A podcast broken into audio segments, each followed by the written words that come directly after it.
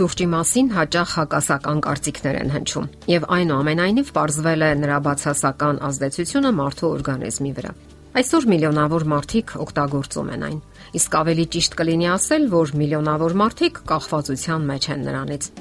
Նրանք բոլորն էլ հայտարարում են, որ կարող են չխմել, որ իրենք են դրության տերը, եւ ապա ձեռքն են վերցնում սուրճի հերթական բաժակը։ Ասենք որ արտահանման համաշխարհային ցուցանիշներով սուրճը գրավում է երկրորդ տեղը, զիջելով միայն նավթին։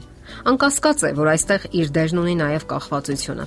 Այս ըմպելիքը ակտիվորեն գովազդում են, որովհետև այն մեծ եկամուտ է ապահովում։ Գնորդները պարզապես չեն կարող փախչել նրա գովազդից։ Այն այսպես է հնչում՝ առույգ կայտար օրվա սկիզբ։ Սակայն գաղտնիք չէ, որ սուրճ օգտագործողների մեծ մասը չգիտի այն բոլոր վտանգների մասին, որ պարունակում է իր մեջ սուրճը։ Սուրճի օգտագործումը առաջին հերթին պետք է դիտարկել որպես էական գործոն միոկարդի ինֆարկտի ռիսկի մեջ։ Նաև ում համար է գաղտնիք, որ այս ըմպելիքի սիրահարների մոտ նկատվում է հակում մյուս թմրանյութերի նկատմամբ։ Նրանք ոչ միայն ավելի շատ են ծխում, այլև ավելի շատ են օգտագործում տարբեր սեդատիվ կամ հանգստացնող դեղամիջոցներ։ Օրգանիզմի առողջության համար էական վտանգ է ներկայացնում 5-ից 6 բաժակը։ Սակայն շատերը այդպես էլ չեն կարողանում հրաժարվել այդ բաժակներից, որովհետև ուժեղ կախվածության արդյունքում առաջանում են հիվանդագին զգացումներ՝ գլխացավ, ջարդվածություն, սրտխառնոց եւ այլն։ Հետաքրքիր է, որ այդպիսի զգացումներ առաջանում են նույնիսկ նրանց մոտ, ովքեր օրական 1 բաժակ են խմում, եթե նրանք փորձում են հարկադրական ձևով չխմել այդ չափաբաժինը։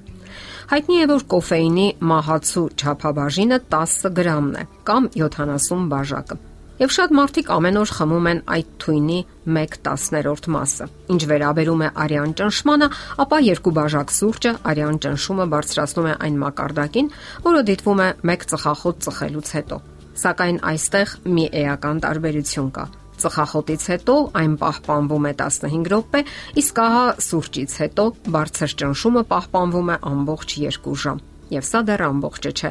Սուրճը նպաստում է նաեւ տարբեր քրոնիկական հիվանդությունների զարգացմանը, ինչպես օրինակ դիաբետ, սիրտանոթային հիվանդություններ եւ նույնիսկ քաղցկեղ։ Այո, շատ մարդիկ իսկապես մտորելու ծանրակշիռ առիթ ունեն։ Շատերն իհարկե գիտեն, որ սուրճի մեջ կոֆեին կա, սակայն այն կա նաեւ որոշ նյութերի մեջ։ Աղացած կամ լուծվող սուրճ, սև կամ կանաչ թեյ, կոկա-կոլա, պեպսի-կոլա, կակաո եւ այլն։ Այդ նյութերը, հատկապես կոֆեինը, ունեն քրոմոսոմները վնասելու հատկություն, միաժամանակ խախտելով օրգանիզմի մի շարք համակարգերի աշխատանքը։ Սուրճը դանդաղեցնում է նաև օրգանիզմի կողմից երկաթի յուրացումը։ Մեկ այլ մոլորություն է, թե իբր կոֆեինը խթանում է նյարդային համակարգի աշխատանքը։ Այն իսկապես խթանում է սկզբում, սակայն դա ժամանակավոր արդյունք է, քանի որ մի կարճ ժամանակ հետո մտավոր գործունեության արդյունավետության մակարդակը նվազում է նորմայից ցածր։ Ու թեպետ սուրճ օգտագործողը կարող է ուշադրության կենտրոնացման որոշակի ուժգնություն զգալ, աշխատունակության իրական բարելավում տեղի չի ունենում։ Մենք արդեն խոսեցինք այն մասին, որ այս թմրանյութը վնասակար ազդեցություն ունի սիրտանոթային համակարգի վրա, երբ բարձրացնում է արյան ճնշումը։ Եվ ահա օրական 1-ից 5 բաժակ սուրճը մեծացնում է միոկարդի ինֆարկտի հավանականությունը 60%-ով, իսկ օրական 6 եւ ավելի բաժակ օգտագործելու դեպքում 120%-ով։ Իսկ կանանց առանձնահատուկ կարելի ասել, որ կոֆեինը մեծացնում է այնպիսի հիմնախնդիրների հավանականությունը, ինչպիսիք են մահացած երեխա ծնելը, պտղի մահը եւ վիժումը։ Կանանց մոտ մեծանում է ֆիբրոկիստոզ հիվանդությունների թիվը, ինչն էլ իր հերթին 4 անգամ մեծացնում է կրծքագեղձի քաղցկեղի վտանգը։ Մեր կյանքում հաճախ է հանդիպում մի երևույթ, ինչպիսին է անքնությունը։ Հենց միայն անքնություն առաջացնելու հատկությունը բավարար է սուրճից հրաժարվելու համար։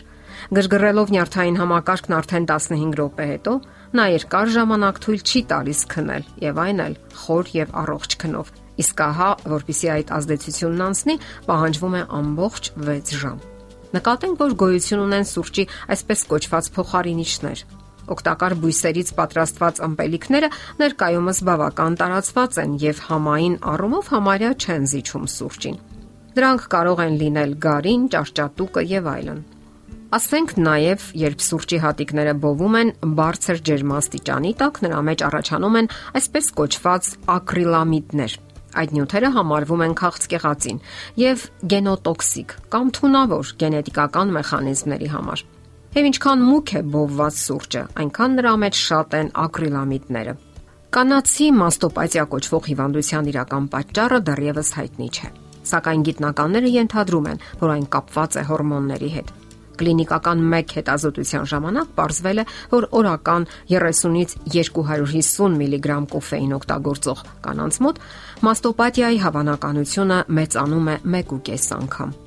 Դե ինչ, երբեք էլ ուշ չէ հրաժարվելու առողջության համար վտանգավոր նման կախվածությունից։ Պարզապես ցանկություն եւ կամք է պետք, վճռականություն, որովհետեւ այդ ճշնամին այնքան էլ հեշտ չի հանձնվում։ Նա շատ ամուր է բռնում զոհին իր ճիրաններում։ Դժվար է, սակայն ոչ անհնար։